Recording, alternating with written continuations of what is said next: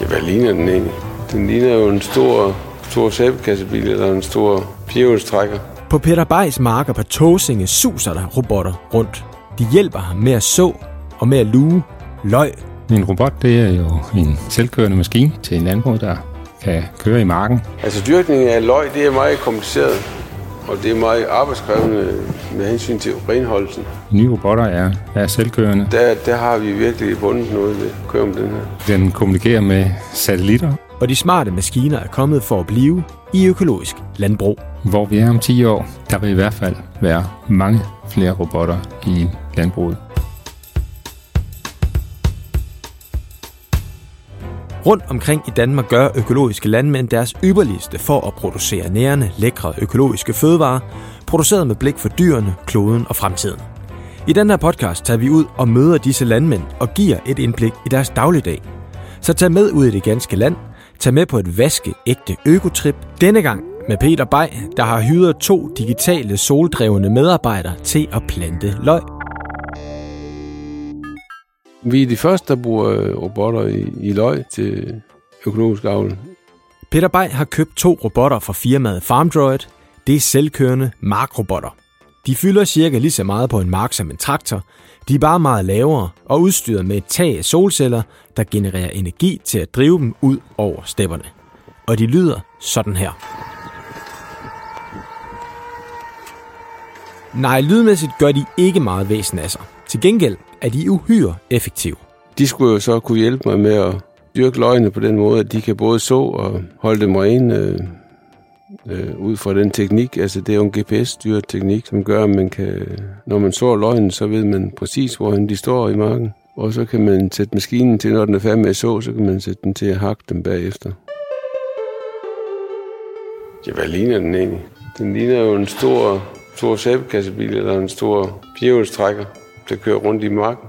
Altså ikke en stor bil, men en lille bil med fire hjul. Peter Skov Skiftekær ligger på Tåsinge lige syd for Fyn. Her dyrker han sammen med sin kone Marie kartofler og grøntsager. Og har du købt økologiske rødløg eller skalotteløg i Netto for nylig, er de højst sandsynligt blevet plantet af Peter og Maries robotter. Vi dyrker øh, cirka 150 hektar her på Skiftekærgård, og øh, vi producerer rødløg og skalotteløg øh, økologisk. Øh, julen er de vel 60 cm i diameter. De er større end trillebørhjul, men mindre end traktorhjul. Jeg fik at vide, at jeg kunne dyrke 12 hektar på en robot. Jeg har to. Så vi har haft øh, 25 hektar med løg i år. Jamen når så den er færdig med at så, så ved den jo. Den har jo en computer bygget ind, som, som registrerer, hvor den så hen, altså inden for centimeter snakket. Og når så den har registreret det, så, øh, så kan den øh, sætte til at rense bagefter. Det vil sige, at den kan køre ud i marken og gå i gang med hak.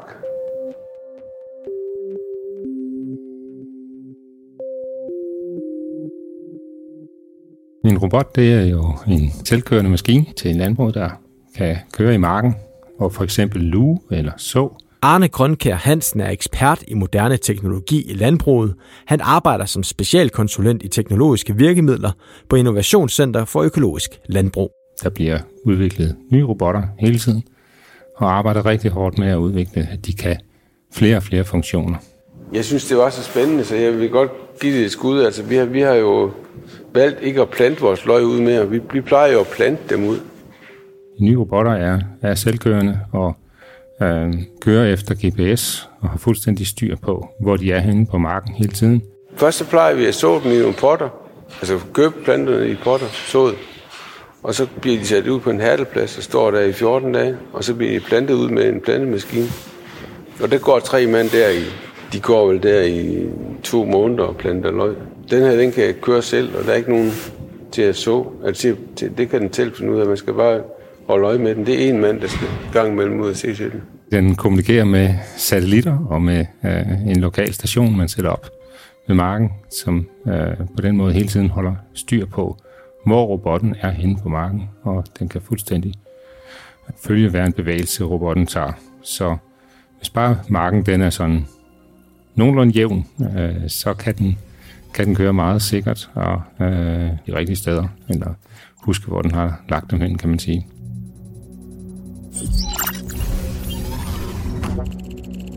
Thank you for your cooperation.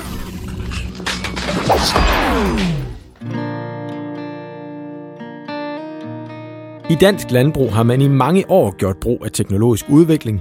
En gang stod mennesker for det hele selv, så kom der dyr ind i landbruget, så kom der maskiner, og i dag er der så intelligente maskiner på spil. Det er jo gået enormt øh, stærkt, hvis man går tilbage og ser på en gang, hvor der var heste, og man gik rundt bag ved dem og med en plov, ikke også? eller en, en strile, en hav. Øh, og så, så kom der jo majtasker og store såmaskiner, og så kom der kombi-redskaber, hvor en traktor kan køre med flere forskellige redskaber samtidig. Så de, efter pløjningen, så kommer landmanden med en maskine, der, hvor han først jordpakker, og så roser han, og så sår han i en arbejdsgang ind over marken. Så der er jo kæmpe teknikudvikling, der er kommet der. Udvikling gør, at robotter tager arbejdskraft fra os mennesker, men det skal vi ifølge Arne kun være glade for. For at så og luge grøntsager er både utroligt hårdt og utroligt kedeligt. Men det er robotkøretøjerne komplet ligeglade med. Robotterne tager jo arbejde fra mennesker, men det, det gør også arbejdet lettere. Altså, øh, og der er jo, når der er problemer med at skaffe arbejdskraft til at plukke jordbær eller vin, eller hvad det nu er, så det at kunne udvikle maskiner, der kan gøre noget af det arbejde, som ellers øh, vi bare ville sige, at det kan ikke lade sig gøre i europæisk landbrug. Vi er nødt til at importere produktet fra Afrika eller Sydamerika eller et eller andet sted, hvor de har billig arbejdskraft.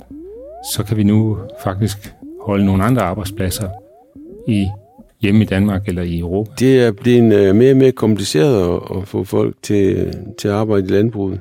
Jeg, jeg tror, det er svært. Det er virkelig svært for mange at få arbejdskraft. Vi sparer jo en del arbejdskraft ved at køre med det der robotsystem i stedet for... Og så er det nogle arbejdsgange omkring og, og plukke, hvor det så er robotten, der på bare på baggrund af måling af, hvor rødt er jordbæret eller æblet lige nu, så kan den sige, det, det snupper jeg, det tager den ned med en lille robotarm og forsigtigt lægger ned i kurven eller kassen, eller hvad det nu er, og, og får den samlet sammen. Og det er der allerede maskiner, øh, der gør, også i, i halvstor skala faktisk. Så lad os lige samle op og få svar på, hvad det præcist er, robotterne kan, så de hjælper Peter Bay med at spare arbejdskraft. Den kører selv i marken. Den kører om natten. Den fjerner ukrudt helt ind til 1 cm fra selve planten. Og det vil sige, der er ikke noget ukrudt, der stjæler næringsstoffer fra hans løg. Så når man så kører ud og skal begynde at rense, så kan man sætte den til at hakke i, endda også i løg, der ikke er kommet op, på den ved, hvor de ligger. Ukrudtet det vil samle kvælstof, fosfor og kali op, som planterne har brug for, afgrøden har brug for. Ellers så kører vi sådan en såkaldt blindhavning eller striling, det vil sige, at vi sætter den til at rense, øh, inden frøene kommer op. Så marken er clean nærmest. Uh, der skal måske luges lidt efter med nogle ting, den ikke har fået fat i. Men det er virkelig begrænset arbejdskraft i forhold til, hvad han tidligere har skulle. Så den kan, den kan jo køre inden for en halv centimeters nøjagtighed i dybden, hvis det, hvis det er ordentligt såbet. Og det gør jo en masse ting. Det hjælper virkelig meget på øh, præcisionen. We are the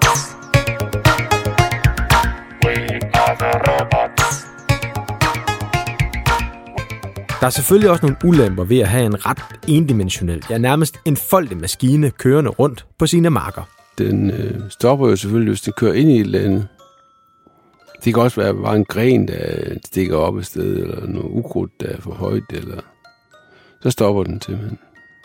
Men det er jo krav for, at den må køre selv. At den kører uden i, mar- øh, ude i marken, uden at der er nogen mennesker. Så den skal jo sikkerhedsmæssigt være i orden til det. Den kan ikke køre så mange timer i starten, fordi der er ikke så meget lys. Og så er den, øh, den er meget følsom over for øh, nedbør. Altså hvis det regner, så, så kan den ikke rigtig køre. Altså det, og det, det, det ved ikke, om man kan justere, men det har jeg ikke fundet ud af endnu. Men den kører lidt for længe, når det begynder at regne, så den bliver fedt godt og grundigt ind, så skal jeg ud og rense den. Nej, nej, den er, den er rimelig sikkert. Altså, der er sådan en stålvej hele vejen rundt om den. Hvis den kører ind i noget, der er i vejen for den, når den kører, så stopper den bare.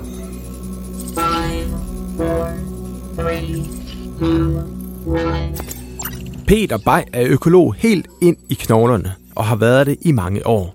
For eksempel har han produceret grøn energi på sin gård siden 1988, hvor der blev installeret en vindmølle. I 2018 blev den gamle mølle erstattet af en ny, og i dag producerer han fem gange mere grøn energi, end han forbruger. Og Peters øje for robotteknologi hænger sammen med denne økologiske grønne tilgang. For robotter er med til at reducere energiforbruget. Det er noget af det, som der er øh, en stor fordel ved robotten, det er, at man ikke de kan trumle rundt i marken med store, tunge maskiner faktisk, øh, fra de såder til de skal høstes. Det sparer også noget energi, og det sparer også en masse trykskader og sådan noget i marken. Det er virkelig godt. Det er ikke kun Peter Bay, der har taget robotteknologien til sig. Hen over årene er de blevet ret så populære blandt danske økologiske landmænd.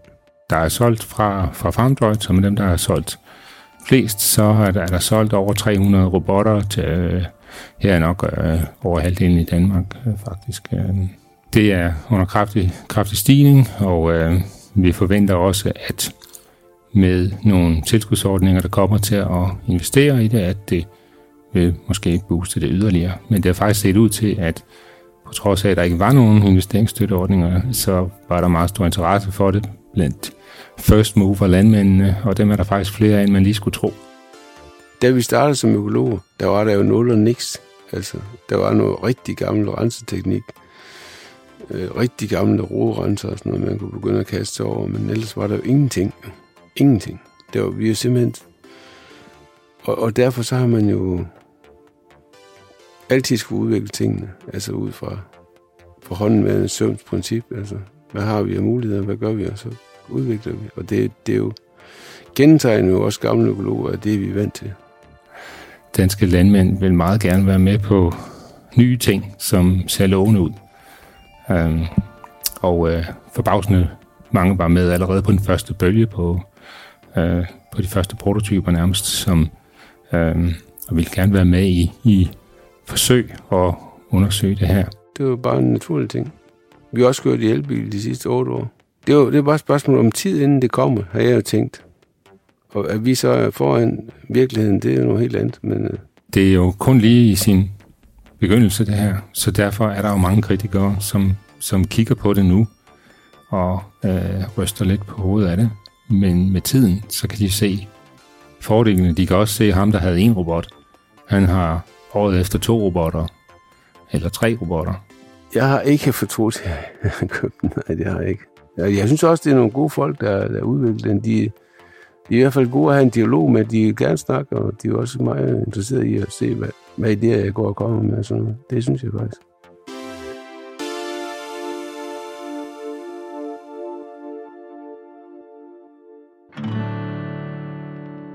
Danmark er ifølge ekspert i moderne teknologi i landbruget Arne Grønkær Hansen førende i udviklingen af robotter i landbruget. Og udbredelsen går kun én vej. Hvor vi er om 10 år, der vil i hvert fald være mange flere robotter i landbruget. Øhm, og de mange af dem vil være selvkørende, som dem vi har talt om i dag.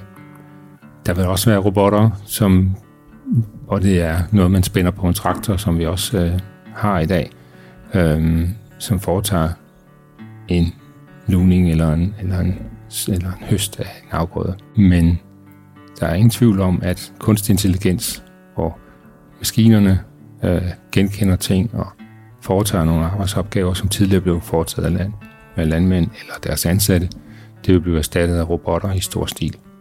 Og vi vil have mere fokus på, at vi skal bevare en sund jord, hvor der ikke skal trykkes sammen med store maskiner. Og dermed vil der være sværme af robotter på danske marker. Det var historien om robotternes indtog på Tåsinge. Tag med på flere økotrips i de andre episoder. Hør for eksempel den om den fine fynske jord. Og når vi ryster jorden, kommer alle de fine hvide rødder frem. Og duften, ja, mm, den lugter af muld. Økotrip er udgivet af Landbrug og Fødevare og produceret af podcastbureauet Kontekst og Lyd. Mit navn er Simon Brix. På genhør. Podcasten er produceret med støtte fra Fonden for Økologisk Landbrug.